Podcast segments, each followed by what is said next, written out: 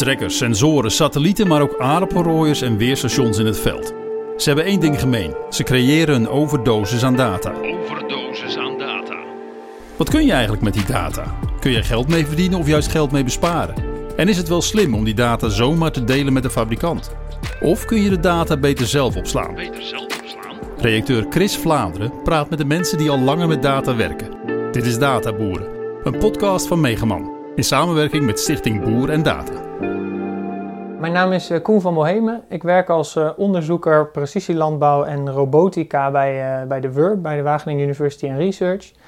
daarnaast ben ik actief op ons ouderlijke akkerbouwbedrijf in de Noordoostpolder, waarin wij samenwerken met vijf bedrijven. En dat geeft mij een stukje vrijheid om mijn nou ja, passie te volgen in het najagen van precisielandbouw toepassingen en robottoepassingen in, in Wageningen. Afgelopen weken zat ik uh, voor deze podcast alleen met boeren rond de tafel en nu ineens met een onderzoeker. Daar is een reden voor, want ja, ik sprak met akkerbouwers, pluim- en melkveehouders. En zij willen allemaal eigenlijk wel die data op een centrale plek verzamelen. En nu heeft de Universiteit van Wageningen die heeft zo'n platform. Is dat hetgeen wat die boeren zoeken? In eerste instantie is het antwoord, was het antwoord op jouw vraag nee. Uh, akkerweb, zoals het, zoals het heette, uh, was eigenlijk bedoeld om data te verwerken. En we deden wel dataopslag, maar dat zagen we eigenlijk als een noodzakelijk kwaad. Waarom? Omdat we heel graag boeren wilden adviseren bij bijvoorbeeld variabele toepassingen van bemesting of, of, uh, of bodemherbicide of, of zulke soort dingen. En, en daarvoor hadden we data nodig, dus deden we dataopslag. Maar nu dat we met farm maps bezig zijn, wat eigenlijk een compleet nieuwe versie is van akkerweb, um, hebben we ook wel ingezien dat data opslaan, of nou, data verzamelen en het daarna nou, slim en fatsoenlijk opslaan, dat dat echt wel een, een, een ding gaat worden, of misschien al wel is.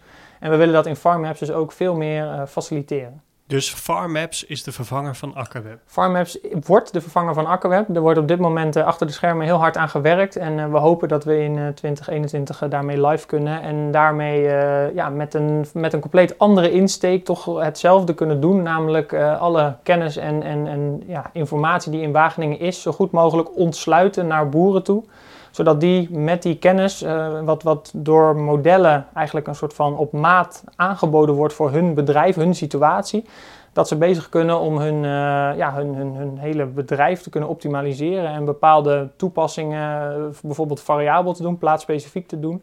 Waarbij die modellen helpen om, om ja, precies datgene te doen wat op dat moment voor de plant of dier nodig is en niks meer en niks minder. Dus FarmMaps, is dat de plek dus waar alle data wordt samengebracht en geanalyseerd kan worden? Nou, dat zou het kunnen zijn. Uh, FarmMaps heeft wel, als het goed is, straks alles aan boord om te kunnen dienen als centraal dataplatform. En uh, wat belangrijk is, uiteindelijk is toch nog steeds het eerste doel van FarmMaps om dus de kennis die in Wageningen is, hè, opgedaan in allerlei onderzoeken en tests met boeren, maar misschien ook uh, in opdracht van de overheid enzovoort, maar om dat beschikbaar te maken voor de boeren. Maar uh, het één na belangrijkste is ondertussen wel geworden dat we dus zorgen dat het nou, alles biedt wat de boer nodig heeft, of wat wij in ieder geval nu verwachten dat de boer nodig heeft, om die data die hij heeft gestructureerd op te slaan. En ook op zo'n manier dat je niet alleen de data opslaat, maar ook wat, wat dingetjes daaromheen. Hè. Wat voor weersomstandigheden waren er toen deze data verzameld werd? Misschien wie zat er op de machine die de data verzameld heeft, enzovoort. Is dat de metadata waarover Jacob van der Born sprak? Dat is precies het woord, de metadata. Ik uh, probeer het woord altijd een klein beetje te vermijden, omdat mensen het nou ja, wat, wat, wat eng vinden. Maar het is eigenlijk inderdaad de metadata. De data die eigenlijk het, de, de inhoud van het databestand omschrijft. En dat kunnen hele simpele dingetjes zijn, wat ik net noemde. Uh, we hebben een, een aardappelrooier die bijvoorbeeld opbrengstmetingsdata verzamelt. Ja, en uh, in die opbrengstmetingsdata zit een aantal, zit een aantal gegevens. Maar uh, ja, de opbrengstmeetsystemen zoals die vandaag de dag op de markt zijn, die slaan niet op wat voor mat er bijvoorbeeld op de rooimachine ligt. Nou, dat heeft wel degelijk invloed op hoe we die data later in het proces, als we met die data aan de slag gaan, hoe we die data moeten interpreteren. Dus dat betekent dat er bij Wageningen, of misschien in Lelystad, daar staat dus een datacentrum waar alles verzameld wordt. Ehm, nou, inderdaad, we, maken gebruik van cloud-oplossingen. Uh, en cloud-oplossingen betekent dat we dus ook uh, ja, proberen die data op te slaan op, op locaties waar, waar we dat goedkoop kunnen doen. Dat is natuurlijk wel belangrijk. Maar uh, aan de andere kant speelt wel mee dat we die data ook veilig willen opslaan. En veilig betekent ook dat het beschermd is tegen nou, bijvoorbeeld buitenlandse entiteiten die ineens claims leggen op die data. Dus we proberen altijd de data te zorgen dat het opgeslagen wordt op een locatie waar de wetgeving gunstig is uh, om, om, nou, om jou als data-eigenaar, waar de data vandaan komt, om die te beschermen. Daarnaast uh, hebben we bij uh, Akkerweb ook inderdaad ons geconformeerd aan de uitspraken van BO Akkerbouw, die een gebruikscode omtrent het, het, het, het, het gebruik en het opslaan van data hebben gepubliceerd. En die gebruikscode, die, ja, daar houden wij ons ook netjes aan. Wat betekent dat? Dat betekent eigenlijk dat de eigenaar ook echt eigenaar blijft van de data. En dat betekent dat wij niet zomaar uh, alle data die wij hebben over aardappelpercelen, dat we die, ook al is het anoniem, maar dat we die op een hoop gooien en dat we daar dingen mee gaan doen. Hoe weet je dat als boer zeker? Um, ja, dat is een hele goede vraag.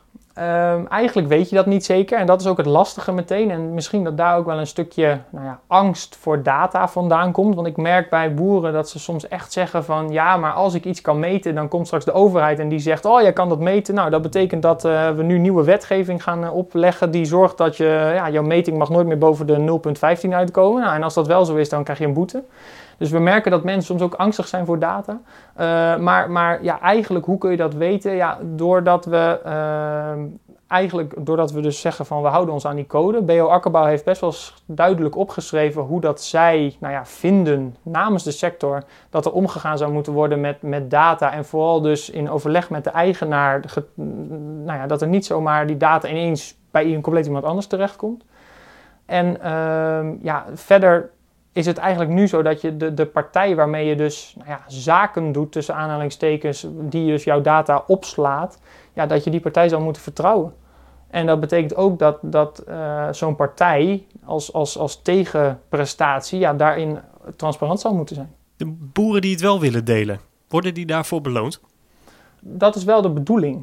En uh, wat, wat leuk is om, om daarin te zeggen, is dat er op dit moment vanuit verschillende hoeken in de sector vragen komen uh, van partijen. Die dus ook bij de WUR aankloppen en zeggen van goh, wij zijn op zoek naar bepaalde informatie, die dus te halen valt uit data. En kunnen jullie met ons meedenken hoe we, ook samen met de boeren, uh, hoe we aan die informatie kunnen komen? Een voorbeeld is bijvoorbeeld de, de verschillende coöperaties. Kijk, coöperaties die, uh, die zijn altijd in principe bezig in het belang van de boer. Want het zijn boeren die zichzelf verenigd hebben in een coöperatie. En die coöperatie behartigt de belangen van de boeren. En die coöperaties, die, die, nou bijvoorbeeld, die verwerken bijvoorbeeld producten. Denk aan de bieten, denk aan de aardappels, denk aan het graan. Um, als die coöperaties nou zeggen van, goh, er is bepaalde data te verzamelen in het seizoen.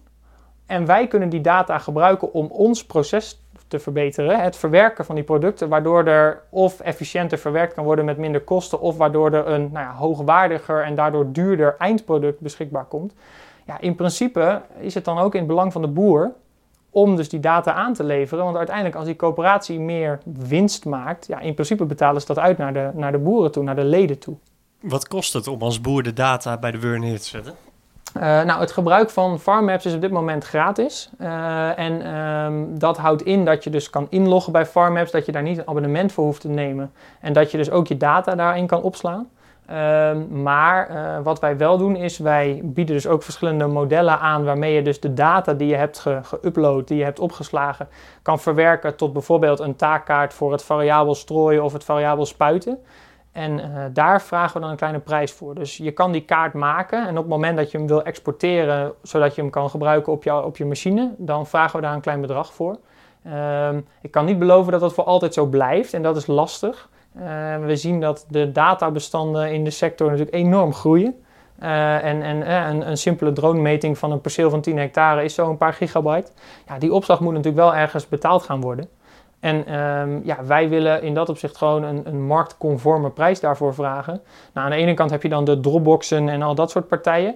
Aan de andere kant merk je ook gelijk bij zulke soort partijen dat de, de, de voorwaarden waaronder jij je, je gegevens mag opslaan niet altijd gunstig zijn.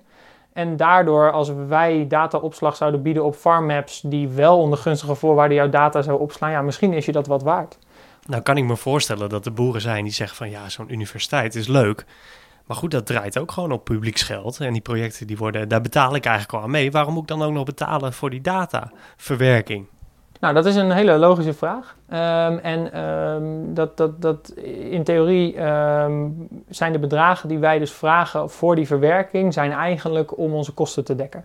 En uh, je merkt dat uh, bijvoorbeeld als jij een, een, taakkaart maakt voor variabel loofdoden in aardappels of voor het variabel spuiten van bodemherbicide, dat we dan over bedragen hebben van een euro of 2 à 3 per hectare. En er zitten natuurlijk een aantal voordelen aan zo'n variabele toepassing. Want één is dat je minder gewasbeschermingsmiddel nodig hebt. Want op veel plekken zal het adviesmodel eigenlijk je minder laten spuiten dan dat je nou, uit jezelf zou gaan spuiten. En daarnaast uh, ja, is er natuurlijk altijd kans op een stukje meer opbrengst. Omdat je minder gewasbeschermingsmiddel op jouw perceel spuit. Misschien in de teelt waar je op dat moment in spuit. Maar misschien vooral ook in de volgteelten. Want alle chemie die op het land terechtkomt, ja, die heeft natuurlijk invloed op het bodemleven, op het water enzovoort. En ehm, wij willen daarmee eigenlijk niet winst maken, maar willen voor onze kosten dekken. Je haalde het zelf net al aan, die metadata. Dus aangeven of data goed, matig of onder slechte omstandigheden verzameld is. Ehm, dat moet er komen. Wil dat lukken? Ja, uiteindelijk is het niet zo moeilijk om een invulformuliertje te maken wat in beeld springt op het moment dat jij een bepaald bestand uploadt. Er zijn alleen twee dingen belangrijk. Eén eh, is dat als jij een bepaald databestand uploadt van een, een bewerking of een opbrengstmeting of een dronebeeld, dat dat systeem waarin je dat uploadt, dat die dus zal moeten gaan herkennen wat voor type data dat het is. Is het opbrengstdata, is het een dronebeeld enzovoort.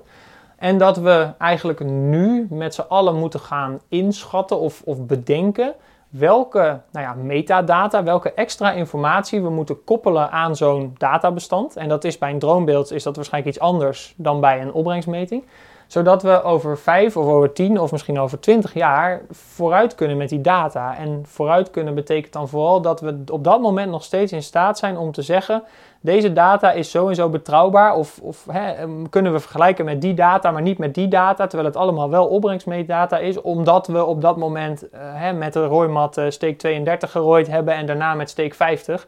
Ja, kunnen we dat vergelijken. En als het ons lukt om dat lijstje met, met hè, extra informatie die je dus op het moment dat je die data uploadt gelijk ook even inklopt, zodat dat lijstje compleet genoeg kunnen krijgen, ja, dan hebben we, hebben we over een aantal jaar nog steeds iets aan die data. En ja, die grote zoektocht die loopt nu. Nou ja, dit klinkt heel eenvoudig, maar waarom is dit er nog niet? Uh, het is er in zoverre wel. Dit is wel iets wat ook in FarmMaps gebouwd is. Uh, er wordt nu ook mee getest. Uh, maar we merken juist bij het testen ook dat, dat we steeds nieuwe dingen verzinnen die we dus ook willen opslaan. Uh, dus het, het, is, de functionaliteit is er, uh, alleen het is nog niet af en waarschijnlijk is het ook nooit af. maar dit is wel iets wat we in FarmMaps ook echt willen gaan doen. Dus mensen in de gelegenheid stellen om zodra die data geüpload wordt, wij doen ons best om te herkennen wat voor data het is en om jou dan dus het juiste lijstje van metadata invulvakjes te geven. Um, maar dat lukt nog niet altijd. En dat heeft ook mee te maken dat leveranciers van data soms nou ja, ineens een ander format gebruiken dan dat ze eerst deden. En dat wij dus wel het oude format kunnen herkennen, maar niet automatisch het nieuwe. Nou, wat we dan willen doen is nu gewoon een, een, een eerst maar een lijstje van oké, maar is dit nou opbrengstdata? Nou, zodra je dat weer aanklikt, dan kunnen we weer ons boodschappenlijstje laten zien van oh, we willen weten welke rooier, welke trekker, welke chauffeur, welke mat, nou enzovoort. Um, dus dat gaat er zeker komen. Ondertussen zijn er nu best wel wat boeren die al met een eigen platform werken. Nou, die hebben we in de vorige afleveringen kunnen horen. Hoe ga je ervoor zorgen dat die boeren alsnog met FarmMaps aan de slag gaan? Wat mij betreft hoeft niet heel Nederland met FarmMaps te gaan werken. Ik, ik, ik ben eigenlijk echt wel voorstander van dat je hetgeen moet gebruiken wat op, op het moment dat je het gaat, gaat gebruiken jouw problemen oplost. Of in ieder geval jou een stap verder helpt. Maar... Uh, wat ik het mooie vind aan FarmMaps is dus dat, dat we eigenlijk begonnen zijn met dat stukje advisering. Van wat kun je nou doen met die data? En dat we nu eigenlijk de stap nou ja, terug maken. Of in ieder geval niet zozeer terug in niveau, maar terug in, oh ja, in die keten, in die dataketen. Um, en dat we zeggen van, oh ja, maar dat data opslaan, dat moeten we goed gaan doen op het moment dat die data verzameld is. Zodat we daarna weer onze modellen kunnen verbeteren. En uh, ik denk dat, dat uh, FarmMaps wel het platform is, in ieder geval in Nederland, wat de meeste tools aan boord heeft om uh, die data op een slimme manier te gebruiken. De meeste platforms waar je nu data in kan uploaden, die zijn wel in staat om daar een taakkaartje van te maken of hè, om, om die weer te gebruiken. Maar in FarmMaps zitten wel een hele hoop modellen waar dus ook een stuk nou ja, wetenschappelijk onderzoek of kennis achter zit. Die dus zeggen, oh dit is het databestand, oké, we gebruiken ook nog eh, de weerdata en eventueel een groeimodel wat ooit in Wageningen ontwikkeld is om met al die gegevens, dus niet alleen jouw databestand, maar ook dingen die we of vanuit Wageningen zelf berekenen, ofwel weer data of satellietbeelden die dus gratis beschikbaar zijn, om dat allemaal samen te voegen en om je dan een advies te geven. Voordat we deze podcast op gingen nemen, zei jij heel mooi: ja, we denken dat we in Nederland nog niet zo ver zijn, maar eigenlijk doen we het al heel erg goed. Ja, in Nederland uh, denk ik dat we met precisielandbouw eigenlijk aan het sleutelen zijn aan de laatste nou, 5 à 10 procent van onze opbrengst. Maar zoals dat altijd gaat, hè, voor het laatste kleine beetje moet je de meeste moeite doen. Van welke sector kunnen wij leren? Nou, wat, wat data betreft is misschien de zorgsector een hele interessante. Uh, er is natuurlijk wel een hele hoop ruzie ook over geweest, dus misschien dat we dat eerst maar eens moeten bespreken. Uh, maar in de zorgsector zie je natuurlijk dat we nu het elektronisch patiëntendossier hebben. En dat betekent dat als jij ergens in Nederland naar een, een ziekenhuis of een arts of hoe dan ook gaat, uh, dat je je achternaam en je geboortedatum roept en dat ze jouw zorgdossier hebben. Tuurlijk kan zoiets alleen goed als je dus uh, met z'n allen goed nadenkt over hoe pakken we dat aan, hoe doen we dat en ook hoe beveiligen we dat. En hoe zorgen we ervoor dat degene nou ja, van wie de data zijn of over wie de data gaan, dat die daar dus controle over houden wat er precies mee gebeurt. Maar het mooie van dat hele elektronisch patiëntendossier is wel dat je ziet dat al die partijen dus met die data kunnen werken. En uh, ik denk dat als we zo'n soort nou ja, ecosysteem, om het maar zo fancy uh, te noemen, als we zoiets kunnen creëren, ook in de agrarische sector, waarbij hè, boeren en toeleveranciers en afnemers en misschien ook wel de overheid met mate gebruik kunnen maken van die data. En met mate bedoel ik dan vooral mee te zeggen, nou, op een manier dat degene die die data verzameld heeft, dat die daar controle over heeft. Van hey, mag de overheid wel of niet mijn opbrengst weten? Nou, je kan een reden hebben om te zeggen, ja, de overheid mag wel mijn opbrengst weten. En je mag, kan een reden hebben om te zeggen, nee, de overheid mag dat niet weten. Maar dat we daar met z'n allen wel uh, in ieder geval ons leven een stuk makkelijker maken. En dat we echt vooruit kunnen kijken naar hoe kunnen we nou samenwerken. Bijvoorbeeld een, een boer en een afnemer. Om samen 10 euro te verdienen. En dat we daarna kunnen gaan bepalen hoe gaan we die 10 euro verdelen. Maar feit is wel, als die 10 euro verdiend wordt, dan, dan nou, gaan allebei de partijen daar in ieder geval iets van krijgen. Tenminste, als we met elkaar aan tafel kunnen en kunnen zeggen van oké, wij zijn eerlijk in het feit dat we nu 10 euro extra verdienen. Hoe gaan we dat verdelen? Hoe gaat de Universiteit van Wageningen het voor elkaar krijgen om het patiëntendossier van de landbouw te worden? nou, ik weet niet of het helemaal de, de, de, de, de ambitie is van de universiteit om uh, het patiëntendossier te worden. Uh, ik denk dat, dat de universiteit in, nou in dit geval in de agrarische sector een rol heeft om uh, nieuwe concepten te ontwikkelen, te bedenken en om die uit te proberen. We hebben daarvoor dus FarmMaps, zoals we al eerder bespraken. En FarmMaps is eigenlijk ook een stukje onze nou ja, proeftuin, waarbij we dus nieuwe dingen kunnen, kunnen testen. Um, en um, het mooie daarvan is nu dat het ook beschikbaar is voor de, voor de, ja, voor de boeren. Dus, dus wij, nou ja, tussen spelen ermee. En dat betekent eigenlijk dat we nieuwe ideeën die we hebben, dat we die uitproberen. Um, dat doen we bijvoorbeeld op data van de universiteitsboerderij. Dus het is niet zo dat we een, uh, een, een, boerderij uitkiezen en daar eens even met de data gaan spelen. Nee, natuurlijk hebben we onze eigen data of data van boeren die daar toestemming voor hebben gegeven. Daarmee kunnen we experimenteren, want ook wij hebben data-analyse mensen die dus heel slim nieuwe stukjes informatie uit een stuk data kunnen halen. Maar um, ja, als, als, als dit zo goed lijkt te gaan werken of blijkt te gaan werken. En uh, de sector die geeft eigenlijk aan van goh, wij zijn op zoek naar een, uh, ja, eigenlijk een, een, een, neutrale partij die dus dat voor zijn rekening wil nemen. Ja, misschien is het wel iets waar wij als universiteit in ieder geval het, het ontwerp voor zouden kunnen maken. Uh, en dan is het de grote vraag of dat wij als universiteit dat moeten gaan doen. Of dat we daar bijvoorbeeld een losse stichting voor moeten gaan oprichten die uh, dat kan faciliteren. En die dan ook in overleg kan treden met zowel de boeren als de overheid als de afnemers. Onder over bepaalde voorwaarden waarop wel of niet met die data gewerkt kan worden. Helder, dankjewel. Ja, heel graag gedaan. Je luisterde naar Databoeren, een podcast van Megaman in samenwerking met Stichting Boer en Data. Wil je meer weten? Kijk op megaman.nl. En wil je nog meer podcasts horen? Luister dan naar de podcast In Productie, waarin we de productie van een diesel-elektrische trekker volgen. Je vindt de serie in jouw favoriete podcast-app.